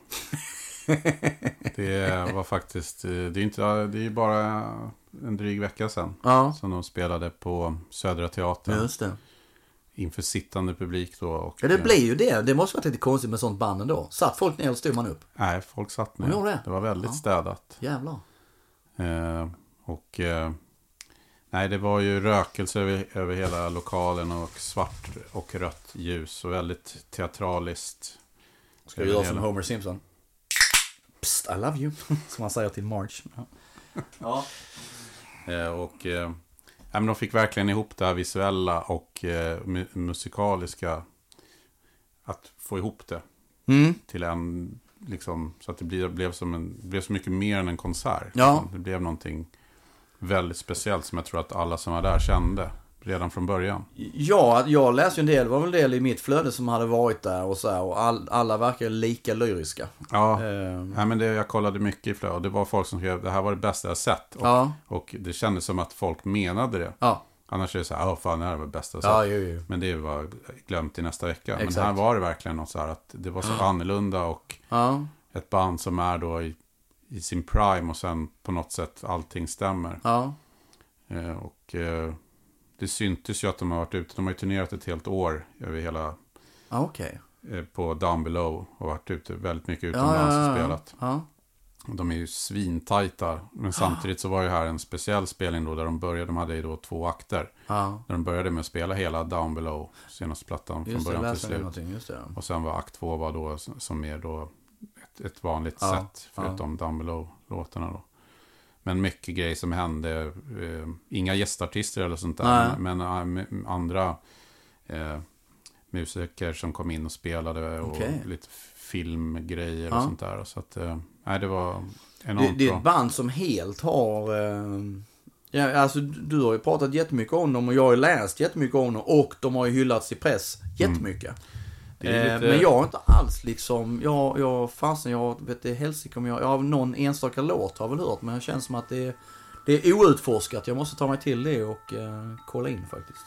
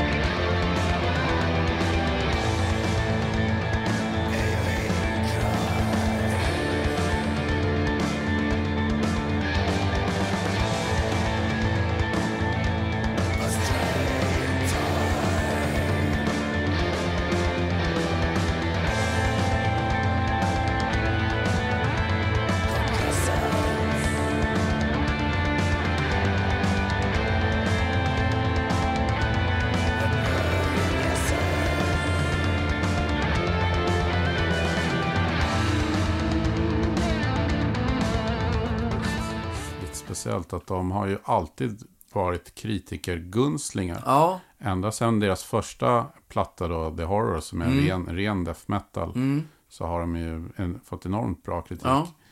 Sen eh, eh, deras tredje platta eh, kom ju Children of the Night. Mm. Eh, blev ju väldigt, då blev de ju lite hypade. Det kallades ju lite så här hipster eh, Mm, mm, och sånt där. Då. mm. Men det kom de, tvätt, skakade de väl av sig ganska Ja. snabbt liksom. Men den blev ju också enormt eh, högt upp på så årets listor och så. Ja. Men det känns ändå inte som att de är ett jättestort band liksom. I, Nej, jag, jag får ju känna att de är liksom relativt små än så länge. Ja. Men, eh, Så att det är väl lite så. Och det kan ju också förstärka en sån här upplevelse. Att de som är där känner att ja, men vi har fattat det här. Eh, det är fortfarande lite grej för, ja. som är inte för alla på något sätt. Men det, deras musik har ju blivit mycket mer, vad ska man säga, lättillgänglig igen, om man ser till utvecklingen från första Mm. skivan fram till nu då. Mm. Men det är fortfarande den här growl-aktiga sången är, ju Ah, kvar- är ju kvar. Och det, ja. det är kanske den som gör att det inte blir liksom låtar som spelas Nej, mer i Peter. allmänna sammanhang. Eller P3. Nej, exakt. Nu var de i och för sig nominerade så, jag P3. Ja, eh, Ja. Men, eh, men det var roligt för att man kände nästan, jag vet att man pratade med folk när biljetterna släpptes som Mm. köpte att det här kommer bli helt fantastiskt. Mm. så att för, förväntningarna var ju väldigt höga. Mm. Och då är det ju roligt när det liksom inbefrias. Ja, ja, ja, absolut. Och i, i den här, det var då en halvtimmes paus mellan akt 1 och akt 2 när man gick ut i baren. Alla gick bara runt så här flinar och som så här julafton och man har massa ju, julklappar kvar att Ja. öppna. Alla var så här glada. Det var väldigt fantastiskt. Det är, kul, men det, det är en jäkla läcker lokal. Nu har inte jag sett så väldigt många band där. Jag minns jag så Opeth gjorde någon, Mm. Jag kan tänka mig att det passar var en väldigt bra där. halvakustisk grej. Så det, det var fantastiskt bra. Men det är en fin lokal. Väldigt Ja, det är ju en väldigt så klassisk am, am, vad säger Mm. man, amfiteater. Ja, verkligen. Och eh, ganska liten. Ja, Jag det kan inte gå in så mycket folk där. Men det är, en, det är ju en balkongvåning Mm, också. ja, exakt. exakt. Jaha, Nej, det var då? lätt, lätt, årets, lätt årets spelning. Ja. Eh, vad har jag mer sett som har varit bra? Eh, jag såg ju Hellacopters i somras ja, just det. Det gjorde på jag. Gröna Lund. Gröna Lund är ju inte den roligaste Nej, det är ju inte det. lokalen, men det var väl en helt okej. Oh ja, tycker jag. Kanske inte den här jättepeppen som det kanske skulle kunna vara med tanke på att det var ju då Ja, den första stora spelningen i Stockholm sedan återföreningen. just det. Jo, nej visst. Men det, Nej, jag tror det kan, det hade nog kunnat bli mer drag om det för det första var inomhus och kanske på ett lite mindre ställe och så. Ja, nu var ju vi och såg dem ett år tidigare Mm. när de spelade den här strängen tribute-grejen. då. Just det. Men då var det ju så extremt packat och Mm. litet Mm. på Debaser och Mm. Stull. Så, här, Mm. så att något, något mittemellan hade ju varit kul att se Ja. dem i också. Men Absolut. det kommer säkert tillfällen till det. Ja, ja, ja, ja. Men grönan är ju så här, det flyter ut lite grann på något sätt för att det blir så Ja. eh, stort och mycket folk och eh, Ja, det blir alltid, det blir oftast blir det ju mycket folk. Men det är ju för att det är kreti pleti bara för att de är inne där och åker liksom. Så ställer man sig och tittar på det som spelar liksom. Det, Och jag tror också att så här, det krävs inte folk som skulle köpa en biljett till Hellacopters. mm. Eh, och, eh, nu behöver du inte göra det. Nu kanske du har gröna kortet. Du skulle inte köpa en, en biljett. Men du åker dit för att du har gröna kortet. ja, absolut, Och absolut. det är en ja, det schysst kväll. Ja, ja, ja. ja. Och det Så gör att det blir väldigt mycket folk som Ja, inte riktigt kan låtarna. Eh, de känner kanske till två låtar. eh, Så det max sådär. Men Visst. det är lite kul och Hellacopters är ett helt okej ja, band. Så är inställningen. Men det gör att det inte blir som... Det blir ingen riktigt drag. Det blir Nej. inte den här peppstämningen i publiken liksom. Ja, exakt. Det. Sen är det, det är bara VIP-hyllan som gäller där egentligen. Det är där man ska stå. Men det är som alltid med dig. Ja, men jag, har aldrig varit, jag har bara varit en gång på den här jävla VIP-hyllan. Det var några slash. Och sen, det tog en halvtimme. In liksom fattade att fan, spriten var ju gratis där uppe. Så liksom, fan. Det hade inte jag fattat. Ja. Men en konsert som, som man ångrar, eller kanske inte ångrar, det var en rolig kväll i övrigt, men som var en besvikelse, det var ju Turbo Negro ja, just det. som jag såg på Berns Just det. i Just våras. Ja. Berns är ju också en lite konstig lokal alltså. Det, ja, jag vet inte. Det, det blir jäkligt trångt och särskilt Ja. om du vill gå och köpa en öl Ja. så är det ju ett kamikaze-uppdrag. ja, ja, liksom. visst, visst, visst, visst, visst. Men just det här att eh, det, det är på något sätt, om du ska vara, vara rolig samtidigt som du gör musik på något sätt så är det tunn is alltså. Ja. Och de ska ju köra, det ska vara någon slags ironi i det de håller på med, med det här 80-tals Van Halen-syntarna liksom. Jo. Eh, och de kör, de kör ibland annat något Queen-medley där med Bohemian Rhapsody och Jaha, liksom okej. mitt i Ja, sättet ja. så här som... Ja, jag, inte, jag, jag tycker inte att det är speciellt Nej. roligt. Det är inte direkt man står och fan vad roligt han kör Will you do the fandango liksom. du tyckte det var skitkul. Nej, nej. Men jag tänkte på Queen för att det, det jag, eh, jag, jag hittade i, i, igår. Ehm, eh, så hittade jag, då var det så här 40 år sedan Queen spelade i eh, Edmonton, Canada eller vad fan det var på, jag tror det var jazzturnén. Eh, och den, den inspelningen ligger på YouTube. Eh, så, så jag hittade den och, och la ut den på Rocksverige. Och då, ehm, det var det också öppningslåten är We Will Rock You. Då bara kände jag, fan, det är en hyfsat fet katalog och man kan öppna med en sån låt. Eh, och bara liksom så går det i ett jäkla tempo så bara, nej fan, jävla band det där alltså. Queen var helt fantastiska när det begav sig. Vad, vad, har, du, har du några förhoppningar för nästa år då? Nej, alltså saker, saker faller lite i knät på en. Det hade varit skitkul att få snacka med någon i Tool, men det lär ju aldrig hända. Eh, jag ska ju åka till Copenhagen nästa år istället för att åka till Sweden Rock. Okej, är det... Blir det liksom en eh, nöjesresa eller jobb? Nej, det blir ju, jag lär ju göra intervjuer med de band som polaren håller i, kan jag tänka mig. Eh, Så det blev lite intervjuer och sånt skit att göra där nere. Eh, Och Tool spelar och det är, lite- de spelar inte Sverige och det, det, jag har aldrig sett Tool och, ehm, Polaren är ju då en, en skivbolags exakt. Och, veteran. En veteran verkligen. Och eh, först ska det bli skitkul att se Tool. Sen hade det varit jävla kul att snacka med Adam Jones och någon sån i det. Men det, jag tvivlar ju stort. Eller Danny Carey trummisen och så men det lär ju inte hända. Eh, man kan ha det på sin wishlist. Som så. Ehm, nej men sen en intervju tänkte jag, alltså jag, jag gjorde Rival Sons här nyligen för någon vecka sedan. Filmad intervju. Ehm, och de är ju, de är lite speciella. Otroligt fula kläder. Ja, men jävla klädsnobbar liksom så här. Jag vet inte, det är något väldigt speciellt eh, så här, hippt som fan är det. Ehm, och... Nej, eh, alltså, när man har sådana kläder, inte för att man ska bry sig om sånt, men man blir lite negativt inställd. ja. Vad fan, han Eh. har en jävla blå ballonpolo-tröja. Och sen hade han någon kamouflage.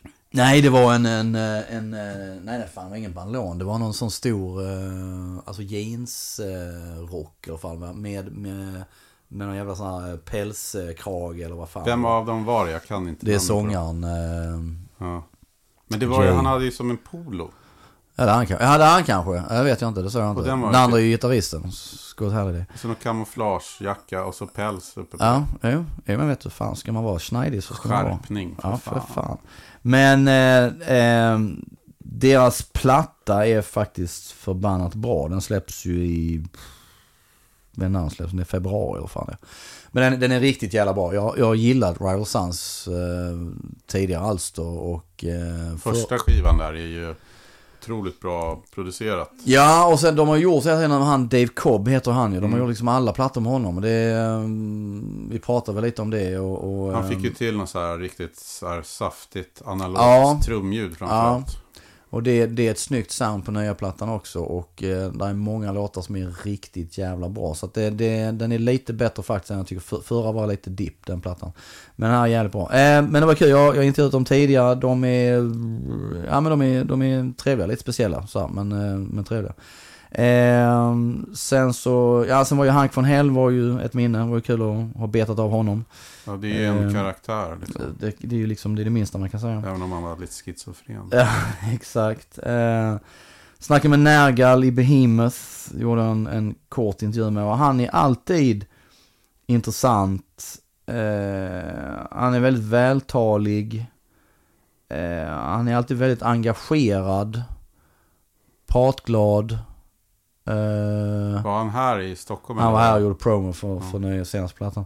Eh, Sen kan inte jag påstå att jag är något superfan av Behemoth. Men han är jävligt, ja, Senaste. han är jävligt intressant som människa. Eh, och sen är han så, liksom, vad ska man säga? Eh, han är så väl manikerad, eller vad man ska säga liksom. Fan, Ansad, vad- liksom. Ja, allting ligger helt rätt sådär liksom. Och, så här, så att det är, men han, är jävligt, han är trevlig som fasen. Eh, eh, och det är alltid intressant att prata med honom. Han är ju väldigt pigg på att lägga ut bilder på Instagram. Ja, han håller på med mycket sånt. Gud ja, Jesus. Christ.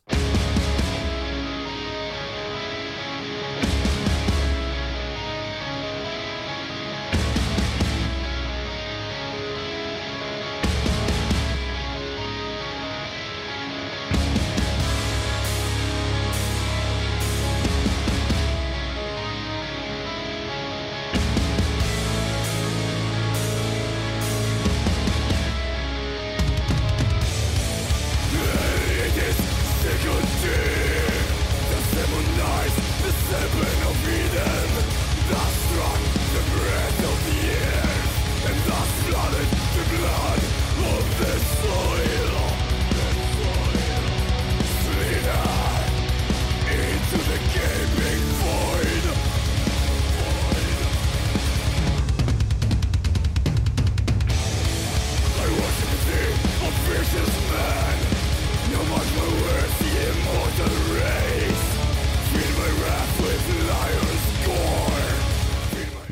Men han är trevlig. Um, Alice in Chains var jäkligt kul att, att snacka med dem.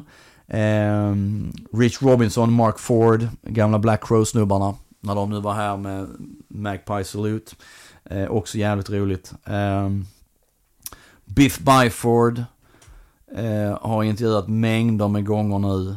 Um, körde en Q&A med Biff på eh, Hard Rock Café i samband med albumsläppet.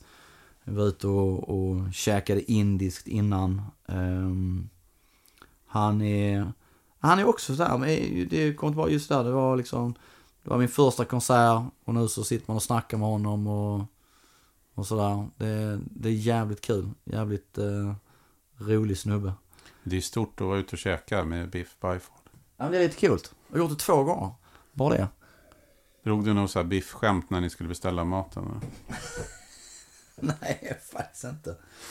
Faktiskt inte. Men det är lite för att det var första gången så, så satt vi på Lydmar och eh, då, nej men det blir ju ett helt, för då är det ju ingen intervju utan han sitter ju bara där och snackar. Mm. Så vi snackar om liksom lite allt möjligt han berättar nu, så det är ju det liksom, man önskar då att man haft bandspelaren på eller spelat in liksom. För han berättar ju massa roliga historier. Som man sen fan inte minns liksom. Men det blir, det blir ju avslappnat på ett helt annat vis. Um, fan var det mer? Ja, jag intervjuade Billy i, i eh, A Perfect Circle, det var lite kul också. Greta Van Fleet gjorde en grej för Sweden Rock här och gick igenom alla låtar, det var också kul. Enormt jävla hypat band. Ja, mycket Led Zeppelin. eh, Jättemycket Led Zeppelin och, och men jag, alltså jag, jag tycker det, det är helt okej. Det är bra låtar. Det gillar de ändå. Som var lite intressant. Det var också polare som sa det där liksom att det är lite intressant att låter du, eller har du influerats av Led Zeppelin? Ja, det var det jag. oftast- Det var jag som sa. Ja det var kanske också, just det, var det? Men det var du ja. Så är det liksom, då är det lite så här att då, då, då hackas det ner på. Ja, direkt. Men är du influerad av Black Sabbath då är det liksom fine. Då är det ja, bara coolt liksom. det Keep on det. smoking it. Liksom. Just det, det var du som sa det, stämmer. Nej, men det var ju likadant med Kingdom Come. Och Just det, just det. Det var ju så en enorm såg där att tror de att de är Led Zeppelin liksom. Ja, och men vad fan. Gör man det bara rätt och det är bra låtar så vad och det fan. finns ju så alltså varenda, varenda doom metal band låter ju liksom som Black Sabbath. Ja, absolut. Eh, visst, Mer eller mindre. Ja, ja, ja, för fan. Visst är det så. Visst är det så. Så att, eh, nej men det har varit lite snack, eh, grejer. Och sen, sen även då nyligen hemma hos Dregen och snacka med honom och Nicke Borg och, och just det här att vi var hemma hos, eh, hos Nicke och, och så här. Jag tänkte, jag vet inte fan om jag skulle släppa in någon hemma hos mig för att göra intervju. Det är mer, jag är mer fascineras lite av det. Att man, Ja. att man bjuder in sådär. Vårt stökiga jävla hus. Nu, nu var ju Dregens lägenhet var ju enormt välstädad och fantastiskt fin. Så att eh, han hade ju absolut ingenting att skämmas för. Men eh, nej, nej, intressant. Kul. Så is. Ja, Jag själv hoppas jag ju på Bombus nästa år. just det. Släpper de platta va? Ja, den måste ju Också ett komma. band jag har fan dålig koll på alltså. Ja. Riktigt bra. Mm.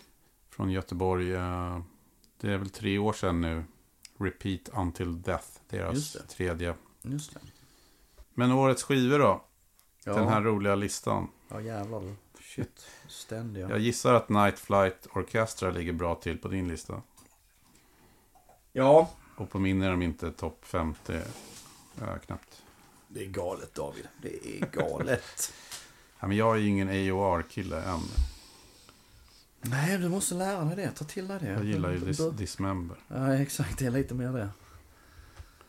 Eh, Du behöver öppna ditt hjärta för AOR. Men det stod faktiskt, ja det var ju här i Sweden Rock, att, att Night Flight Orchestra är skickliga på det. Att de får liksom tuffa hårdrockare att börja Mm. gilla AOR. Mm. De syftar på dig. Ja men då vågar jag inte lyssna. Tänk om, tänk om jag börjar gilla det. Ja, exakt. Jo, men vad fan. Det är, det är ju riktigt Står man där bra. snart med en Toto-vinyl i påsen. Ja, jävlar du. Shit. Toto. Ja, jag har faktiskt sett Toto en gång. Eh, I bless the rain down in Africa. just det. Eh, vet fortfarande varför. Jag vet, vi var, var, eh, vi var fyra som var ner, två tjejer, så var polaren och så två andra tjejpolare när vi pluggade i Växjö. Så vi åkte ner till Göteborg från Växjö, körde ner med någons bil, går och kollar på Toto. Är fattiga studenter. Och detta Toto, det är alltså, vi snackar nu 92, tror jag detta är. Jag köpte till och med en t-shirt som är kvar. Ehm, då måste det ha varit kokainbad liksom. Alltså jag min, det- de spelar på Skandinavien. Jag vill minnas det som att det faktiskt var ganska bra med folk. Ja, ja. Ehm. Men de har väl alltid dragit. Ja, Liksom, de gör det. De har ju alltid gått hem i Sverige som så. musiker Det och... är lite såhär Svenne Banan-musik om man får säga det. Men... ehm, och sen har man ju haft en hel del hits. Nej men det var jätteintressant. Det, jag minns som att det faktiskt var, det var helt okej. Nej men så... Hold jag the tänkte... line. Ja för fan du. Du, nu, nu. Steve Lucas är ju en duktig gitarrist. Ehm, nej, men sen sov vi i bilen på en jävla parkeringsplats. Så tänkte jag, vad fan, kunde vi inte liksom skramlat ihop pengar så vi kunde sova att vandra hem och sånt. Och det, saken var att det här var ju höst. Det var ju kallt som fan på natten. Och obekvämt så in i helvete. Toto Men- och sova i bilen, det passar inte riktigt. Nej, det det fan, var så jävla thrash hardcore. metal och sånt. skulle ju varit Dismember där ju. Det hade ju passat Ja. mer. Fan. Mhm. Ska jag börja då? Ska jag dra mina fem? Kanske? Mm. Alltså på...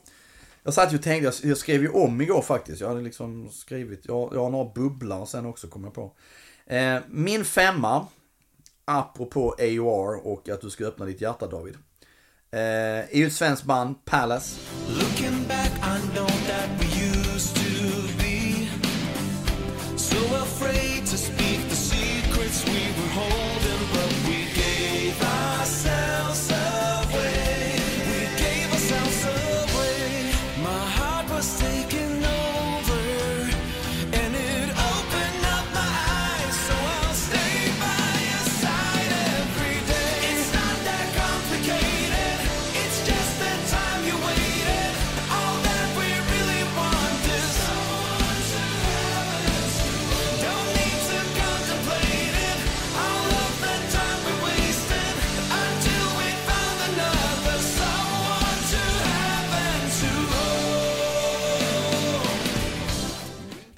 Plattan heter Binary Music. Eh, det är deras andra platta. Jag upptäckte Palace om en ren händelse. Eh, närheten där jag bor, uppe på Hägerstensåsen, så ligger det en... Han är någon typ gitarrreparatör slash skivbörs. Någonting sånt. Ehm, och eh, då bara satte han på den plattan, Palace, deras förra. Eh, jag bara känner direkt att fy fan, det här är så in i helvetes jävla bra. Och eh, väldigt 80-tal. Eh, på alla sätt och vis. Eh, jättemycket AR, men svinbra. Och deras nya nu, Binary Music, som är alldeles färsk. Är eh, fantastiskt bra. Det är, alltså det är, det är AOR när det är som bäst. Helt enormt. Eh, fyra satte jag A Perfect Circle. It Elephant. The mushroom cloud confetti.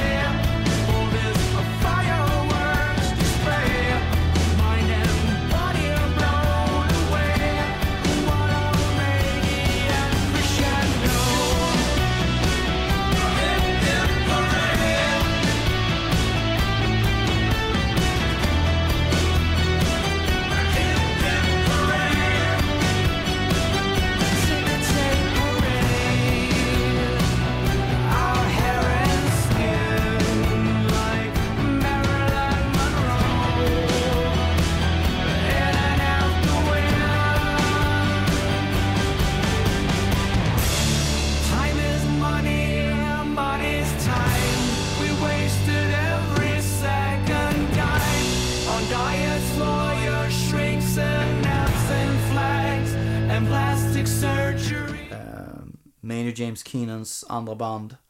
Huvudbandet i Tool. Nej, jäkligt bra, skön. Det är ju betydligt mer lugnare än vad Tool är. Mer avslappnat på något vis. Eh, men, men jäkligt bra. Och eh, det var ju också länge sedan de släppte platta. Så att det, det, Vad fick den för mottagande sådär? den fick nu faktiskt ganska bra mottagande. Den är väl dessutom med där tror jag, Sweden Rock eh, omröstningen någonstans på den listan i varje fall. Ehm, så att, eh, nej den är väl värd att kolla upp om någon, någon har missat den. Ehm, trea har jag The Magpie Salute. Och deras High Water One heter den.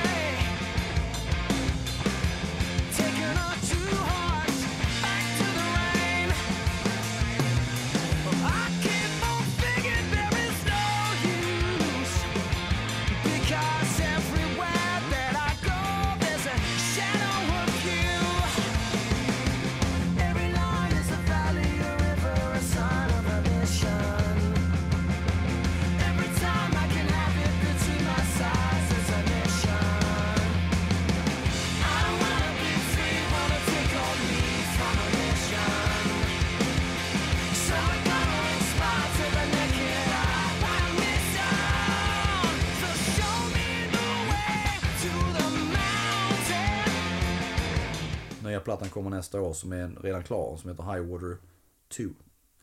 Enorm fantasi. Men eh, Rich Robinson, gamla Black Rose eh, snubben. Tillsammans då med Mark Ford och som även då lirade, han kom ju med på Southern Harmony, andra plattan Black Rose. Ehm, och eh, det är ganska mycket Black Rose i det. Ehm, och lite amerikanastuk och sådär. Jag gillar det skarpt. Jag är en jävla sucker för det också. Så att den, den är väl värd att kolla upp om någon nu skulle ha missat det. Eh, tvåa sätter jag Alice in Chains. Renier Fog. Eh, Renier då är ju Mount Renier som ligger utanför Seattle.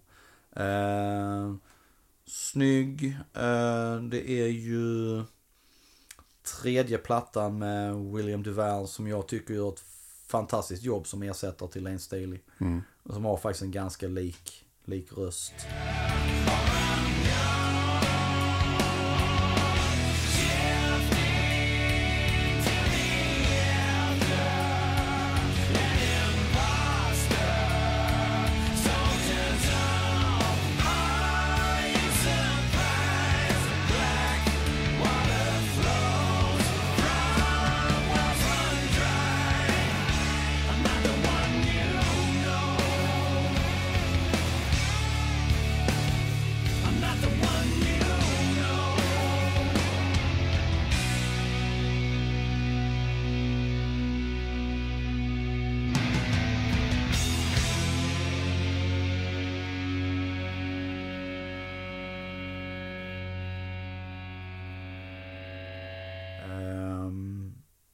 Snygg platta. Nu kommer det dessutom film.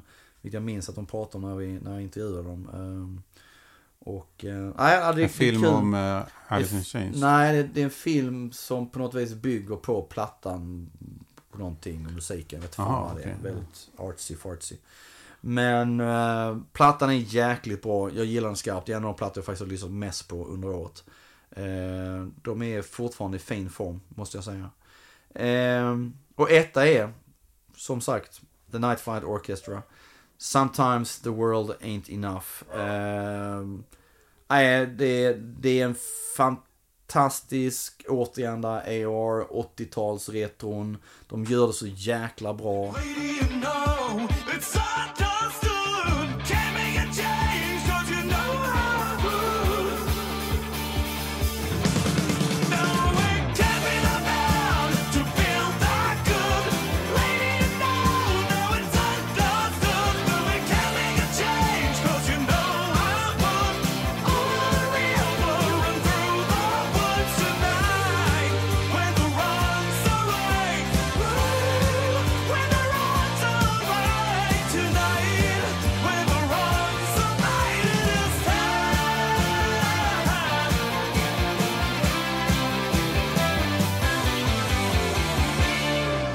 Strid, fantastisk sångare. Han huserar ju vanligtvis i Soilwork.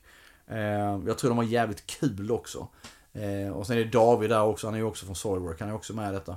Eh, live, suveräna. Eh, kul grej var att eh, i somras så gick jag, jag var nere i Ängelholm i somras, min hemstad. Och så eh, gick jag och lyssnade på, jag gick eh, in till stan. Eh, och lyssnade på den här plattan i, i lurarna. Och så är det en låt som heter Moments of Thunder. Som har spår av Yes 90125-plattan. Eh, små, små grejer bara. Eh, men eh, det blev så att jag gick in på Electric Mud Records. En fantastisk skivaffär i, i Ängelholm. Mest vinyl. Eh, så kör man förbi Ängelholm ska man titta in där. På Järnvägsgatan ligger den. Eh, och eh, står där och bläddrar en skiva och vet inte riktigt vad jag ska köpa. Ser en singel. Eh, vinylsingel med Yes, Owner of a Lonely Heart. Som är från den 90125-plattan. Så slutar man att köpa den jävla singeln, helt utan anledning. Eller anledningen är ju bara för att jag lyssnar på den, just Moments of Thunder med Night Flight. Eh, och bara känna, nej vad fan, det här måste jag nästan ha liksom. Jätteonödigt. Ja, fantastiskt. Den plattan är så jäkla bra. Eh, nej men den rekommenderar jag. Det är fantastiskt bra, snyggt, eh, snygga låtar, bra produktion. Eh, ett av Sveriges absolut eh, bästa band i mitt tycke. Också nominerade till en Grammis är det väl nu tror jag. För Ja, hur- andra året i rad. Eh, ja, det var mina. Fem.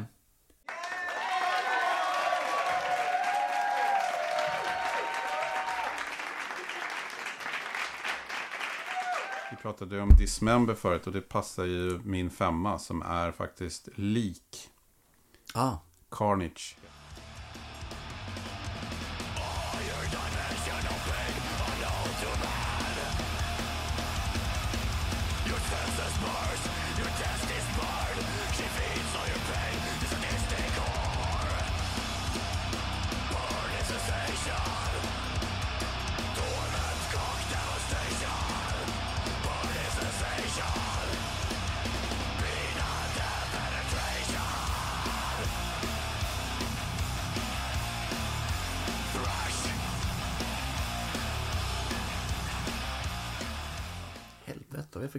Lyssnar på egentligen? Det är eh, bisvärm. Det är alltså Åh fan.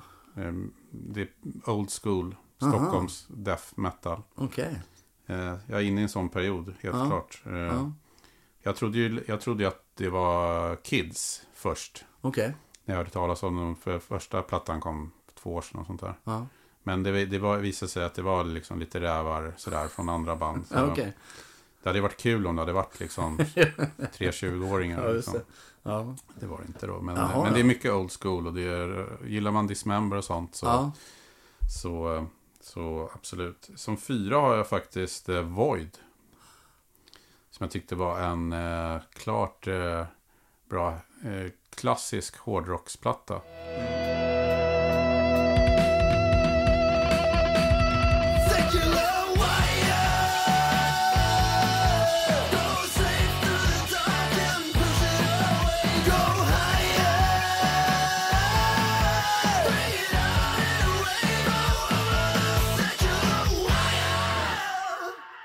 Jo men den är bra. Bra sång av Josef Toll. Lite Thin Lizzy-tongångar på en del låtar där ju. Ja. och Vilket han inte gillar att höra tydligen. han vill inte bli jämförd med... Nej, exakt. Vem var det? Var det Phil Lynott och Ja. Paul Diano som... Ja, det kan ha varit någonting sånt. Eh, för jag minns, jag minns jag satt och intervjuade Flinta på, satt en timme tror jag på lokala pizzahaket. Precis. Bandledaren Peter Flinta Ja, Stjernvik, jävla trevlig eh, snubbe. Som är Eh, gitarrist där ju. Exakt. Exakt. Och tidigare trumslagare. Ja, han var ju en tum där länge. Ja, han är ju en riktig eh, Stockholms hårdrockslegendar eh, legendar, får man väl säga. Ja, faktiskt. Faktiskt. Med tanke på... Josef Toll kommer ju från Enforcer Arvika, Arvika har ju flyttat hit Just det. till just det. Stockholm. Ja, Och jobbar nu ju ihop med bland annat Robban Eriksson som var med i förra podden. just det. Ute där på Black Sheep Ja, ja, ja. Solna, Just det, just det, just eh, det. Ungdomskulturhus Mm. med mycket Mm. musikinriktning. Mm. Nej, men Void, den var faktiskt, den är, den är bra den plattan. Delusions in the Sky, en Ja. riktigt bra Ja. platta. Eller låt, förlåt. Ja. Eh, på den. Men hade ju också bara sån jävla download-skit. Det liksom blir inte samma grej. Nej, Hade jag haft den på riktig platta hade jag fan lyssnat mer på den. ja. Jag ska cykla över till Flinta be om ett ex, han bor inte så långt från mig. På nummer tre har jag faktiskt Judas Priest. Ah. Firepower. Mm.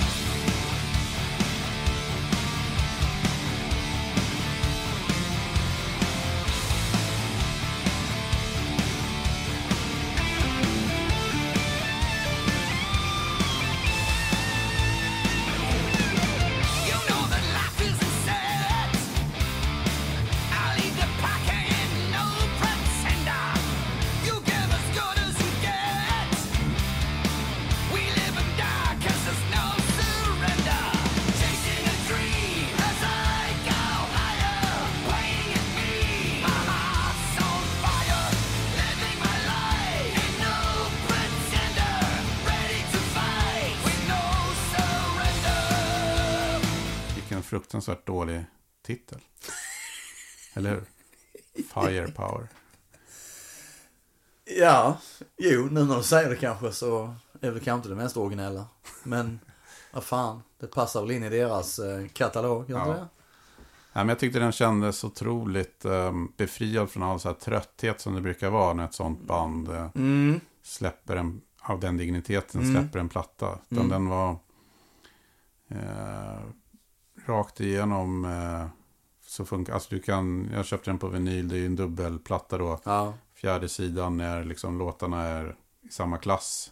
Det är inte så att det är låt två, och tre och fyra Nej, är nej, fillers liksom. Eh, överraskande bra. ja men den, den har ju blivit, alltså när den kom också, den blev ju tokhyllad. Mm. Den fick ju enormt bra, alltså var med utländsk media som svensk hårdrocksmedia så alla tokhyllade. Och fans tokhyllade. Och, Och tyckte det var fantastiskt. förstått att i setlisten så är många av de här låtarna redan blivit så här f- Ja, publikfavoriter. det kan det ju vara. Nu såg inte jag giget för då såg jag någonting annat. Så att det... Sen, eh, jag vet inte, det kanske var festivalgig, du kanske inte körde så mycket från den nya. Nej, jag vet faktiskt inte. Jag, jag, och jag minns, jag kollade ju setlisten sen. eh, Jag minns bara när jag, när jag vandrade från Mystery Lost Company. Det var typ då när Glenn Tipton kom in och gästade på, vad nu var, Just det. Living After Midnight. Och fan vad som är så, det är ju så tråkigt så det finns ju inte ord för.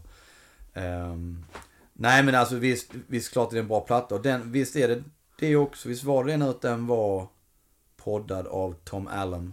Mm. Igen väl som gjort Scream for Vengeance och han gjorde väl Defenders of the Faith och så här också. Klassiska 80-talsalster. Så att nej men de hittar väl någonting där på något vis. Eh, måste de ju ha gjort. Och sen kommer det ju alltid till slut att falla på låtmaterialet. Ja. Att eh, har du inte bra låtar så... Och någonstans så klarar de väl fortfarande att... Eller till den här gången har de i alla fall gjort det. Några av dem tidigare har väl varit lite trötta. Ja. Eh, men det, tänkte jag också på, gud nu kommer in här liksom. Men det är lite roligt för då, har du Judas Priest som har Rob Halford kvar. Och ehm, Ian Hill. Mm. Som man då får se som liksom klassiska sättningen, original som så. Glenn Tipton borta, KK Downing borta. Nu har de ju haft Scott Travis som trummis så jävla länge som helst, men ändå. Mm. Men det är ändå liksom, det är ju mer legitimt för mig att gå och titta på det Judas Priest. än vad det skulle vara för mig att nu gå och titta på Rat exempelvis. Som då har Steven Pearce i sångaren och nu basisten är ju tillbaka som flera av Juan Crucial eller Crucier, vad fan han heter. Resten är ju liksom hired guns. Eh, fast egentligen lite samma sak. Men att för mig skulle det vara att gå och se Rat liksom bara så här, känns skitpatetiskt. Men på något vis är man mer förlåtande åt ett band som Judas Priest som egentligen då också har fan halva bandet, mer än halva bandet i utbytt liksom. Av, av nya förmågor. Det är, det är sån tanke, lite insatt. Kanske för att det har gått under en längre tid liksom. Ja, absolut. Det, det, så är det väl. Och inte haft samma drama som... Och inte, och inte bytt heller.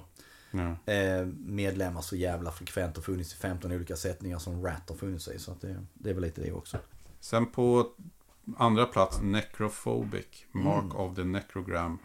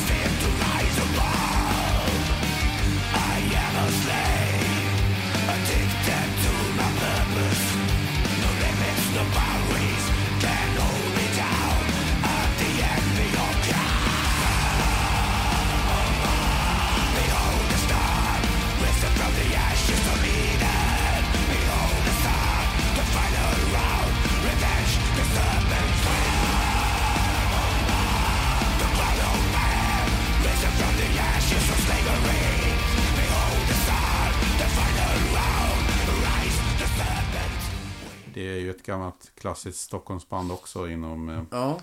death och black metal. Fan, du måste sitta och lyssna i lurar på sånt här hemma. Det kan ju inte resten av familjen tycka är...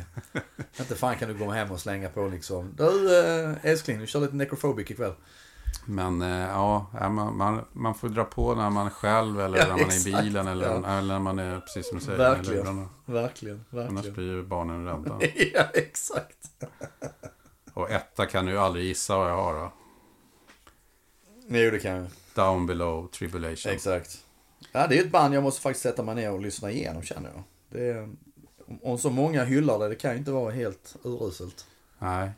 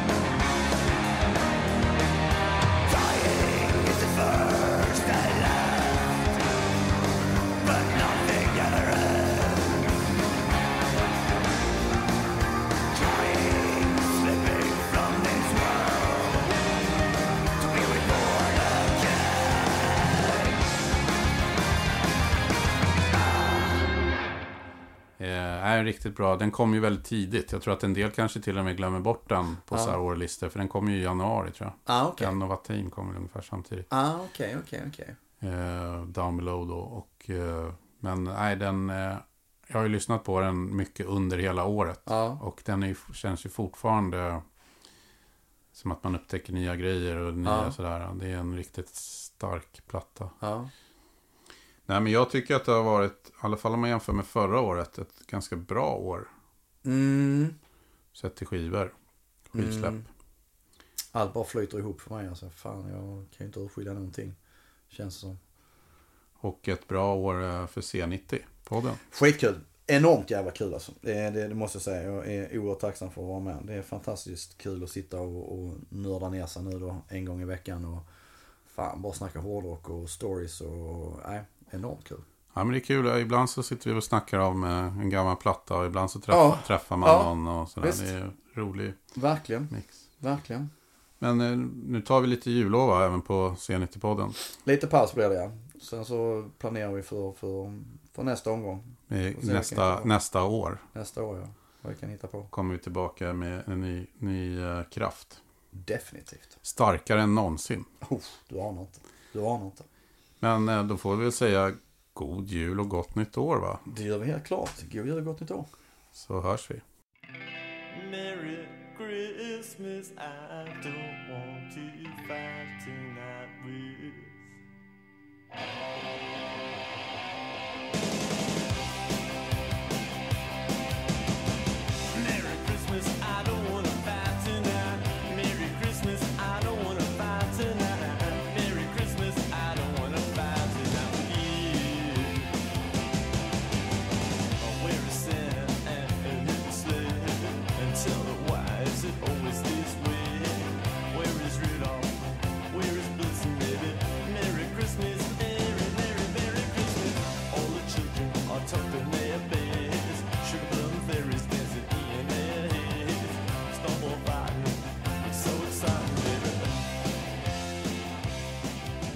Lyssnat på det 40 avsnittet av C90-podden med årssammanfattningen av 2018.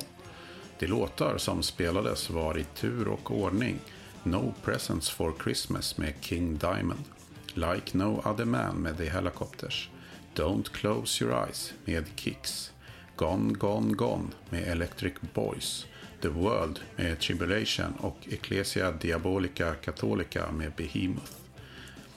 Från Niklas topp 5-lista plockades dessa låtar ut.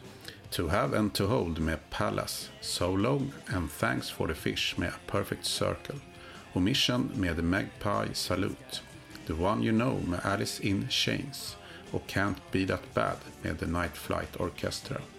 Från Davids topp 5 hörde vi Dr. Dushanka med Leak.